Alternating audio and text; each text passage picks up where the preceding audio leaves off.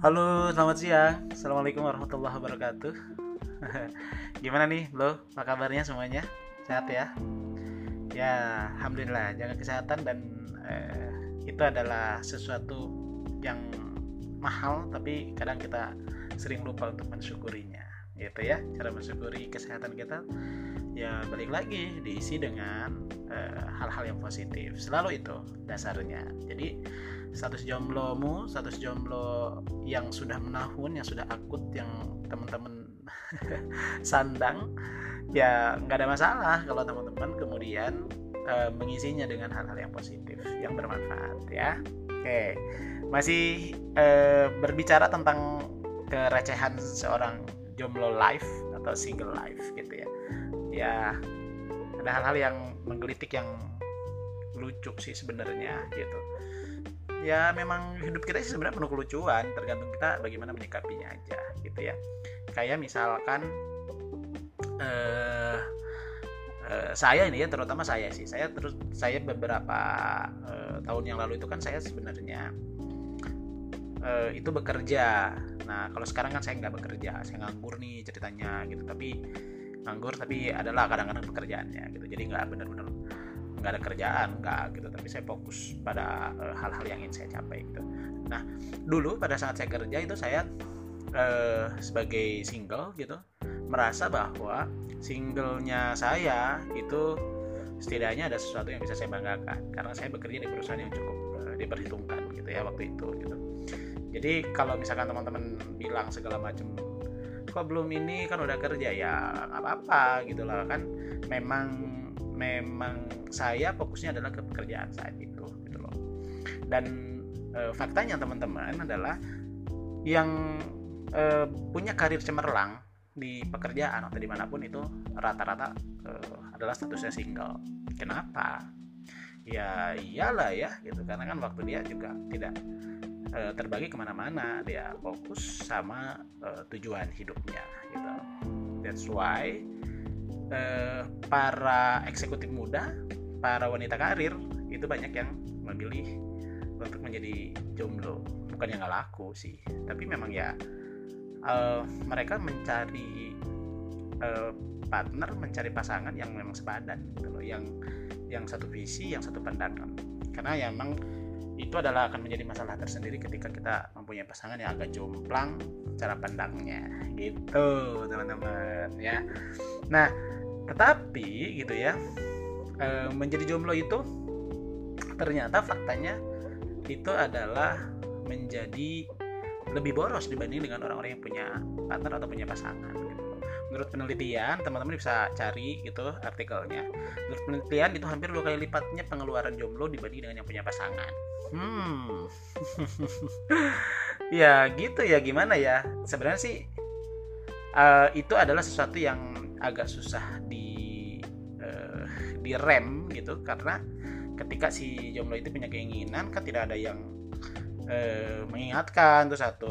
Jadi tidak ada pertimbangannya. Terus kemudian yang kedua uh, dia ngerasa bahwa ya dia punya uh, uang juga hasil dari keringatnya sendiri. Dia pantas memberikan reward terhadap dirinya sendiri kan gitu. Pantas kemudian uh, ber uh, ber apa ya bukan berfoya-foya sih tapi memberikan sesuatu hal yang lebih yang dia uh, inginkan gitu. Nah tapi sayangnya itu adalah uh, menjadi alasan kenapa kemudian pepatah muncul bahwa tidak ada yang single yang menjadi kaya raya gitu ya Uh, tapi kalau single yang karirnya bagus yang sukses itu banyak gitu Nah, teman-teman, jadi mungkin nanti next kita akan bicara tentang uh, perencanaan keuangan bagi jomblo gitu ya. Nanti saya coba akan share bagaimana seharusnya jomblo mengelola keuangannya. Hmm, tungguin ya. Nah, yang sekarang sih kita akan bahas yang simpel-simpel aja nih. Jadi ini cerita recehan lah ya, tapi memang ini terjadi di kehidupan nyata gitu. Nah, pada saat itu, gitu ya teman-teman saya itu terus kemudian masuk di dunia pekerjaan. Karirnya cukup cukup cemerlang. Di kantor saya agak lumayan agak diperhitungkan gitu ya. Nah terus saya naik lagi nih. Jadi kejombloannya saya ini agak mau naik level gitu ya.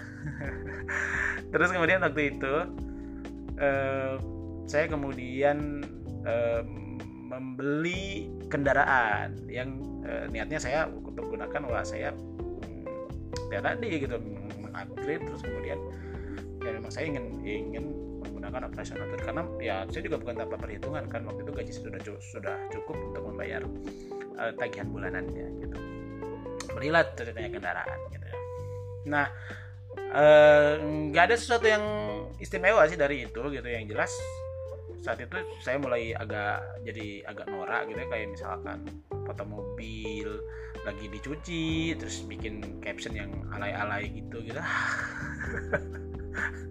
Jadi uh, malu sih sebenarnya. Kadang-kadang kalau saya ingat sekarang-sekarang aduh gue bilang norak juga ya saya gitu waktu itu. Tapi ya nggak apa-apa. Itu kan uh, fase dan kebanggaan tersendiri karena mobil itu masih dari keringat kita sendiri gitu. Dan which itu sangat positif teman-teman. Jadi maksudku adalah jadi jomblo fokus terhadap kehidupanmu sendiri kemudian uh, uh, sama karirmu sama pekerjaan itu menurut bagus positif ketimbang anda fokus terhadap kehidupan orang lain. Nyinyirin orang ya kan ngiri sama orang jadi parasit ke orang modusin orang itu aduh itu sangat sudah manda jomblo ya kan direndahkan sama orang dipandang tidak ada faedahnya sama orang dan hidup lagi gitu kan. Jadi stop sekali lagi hal-hal yang seperti itu Nah, balik lagi ke cerita mobil tadi. Nah, yang lucu nih teman-teman adalah karena si si jomblo ini kan sebenarnya uh, uh, sebenarnya yang yang kurang bukan materi, bukan teman di sekitarnya gitu kan. Yang kurang itu kan adalah perhatian-perhatian yang sifatnya pribadi gitu ya. Sesimpel waktu itu umur saya uh, kerja itu berarti kurang lebih di atas 25-an lah, 25 something itu. Jadi saya belum pernah merayakan ulang tahun sedikit pun gitu. Saya belum pernah uh, ya memang di keluarga saya tidak ada tradisi-tradisi itu. Bahkan saya juga nggak tidak nggak tahu orang tua saya tulang tahunnya kapan adik saya kapan kakak saya kapan dan mereka pun sebaliknya gitu. Dan itu bukan sesuatu yang penting dan bukan juga mengindikasikan bahwa kami tidak tidak saling care satu sama lain bukan enggak juga gitu loh. Tapi kan buat sebagian orang itu kan menjadi sesuatu yang penting gitu loh.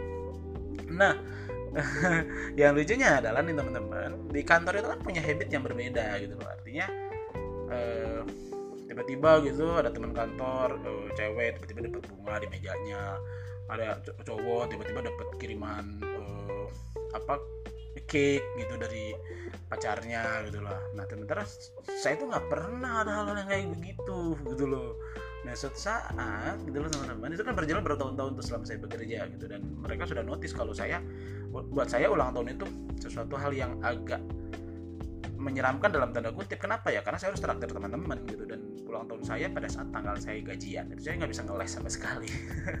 Hapus ya. Ya jadi selama bertahun-tahun itu ya terus saya ulang tahun itu bukan bukan suatu momen yang itu nah di tahun pertama pada saat saya udah uh, punya uh, cicilan kendaraan itu gitu ya. Tiba-tiba tuh tiba-tiba di hari ulang tahun saya di ulang tahun saya itu ada kartu gitu loh ada kartu di meja gitu. Iya. Ya ya saya ngerasa bahwa oh gini tuh rasanya dapat ucapan gitu ya. Cukup menyenangkan sih sebenarnya walaupun pengirimnya adalah uh, kantor di mana saya kendaraan itu gitu. Jadi kantor leasing itu mengirimkan itu. Dan nggak cuma itu gitu loh nggak cuma ucapan itu di situ dituliskan e, mereka juga mengucapkan itu melalui SMS secara yang disampaikan secara langsung kepada saya gitu. E, agak agak lucu ya agak ironis ya memang. Tapi tapi terus kemudian sejak itu ya saya jadi uh, mengerti gitu betapa hal-hal uh, apa ya perhatian-perhatian kecil seperti itu sebenarnya cukup cukup berarti dalam sebuah uh, uh, relationship gitu loh. Artinya kenapa teman-teman teman-teman saya itu begitu? Tadinya kan saya menganggap bahwa ih lebay banget sih mereka ngapain sih? gitu loh. Nah gitu kan akhirnya gitu sejak saat itu terus kemudian saya coba mulai uh, tahu gitu bagaimana kapan orang tua saya ulang tahun dan sebagainya itu walaupun momennya itu tidak tetap juga tidak menjadi momen yang penting buat mereka tapi paling nggak saya mengambil pelajaran bahwa Eh, perhatian-perhatian kecil itu teman-teman harus tetap juga uh, lakukan terhadap orang-orang yang teman-teman cintai terutama orang tua teman-teman. Gitu loh ya. Nah jadi uh, kemudian kita berjalan berjalan beberapa uh, tahun akhirnya alhamdulillah uh, cicilan saya itu lunas gitu loh. Di ulang tahun berikutnya setelah cicilan saya lunas itu balik lagi gitu. Saya ngerasa bahwa lo nggak ada lagi nih. Aduh lunas sih. Jadi saya nggak diucapin selamat ulang tahun lagi tuh sama sama si perusahaan leasingnya itu gitu loh.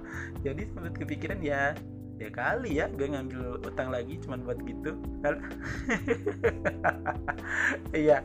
Nah itu lucu-lucu aja sih teman-teman. Jadi intinya sih sebenarnya yang ingin saya sampaikan adalah hal-hal kecil seperti itu gitu loh. Juga eh, teman-teman bisa ukur gitu bisa lakukan dan disampaikan kepada orang-orang yang teman-teman cintai. Gitu. Terima kasih ya.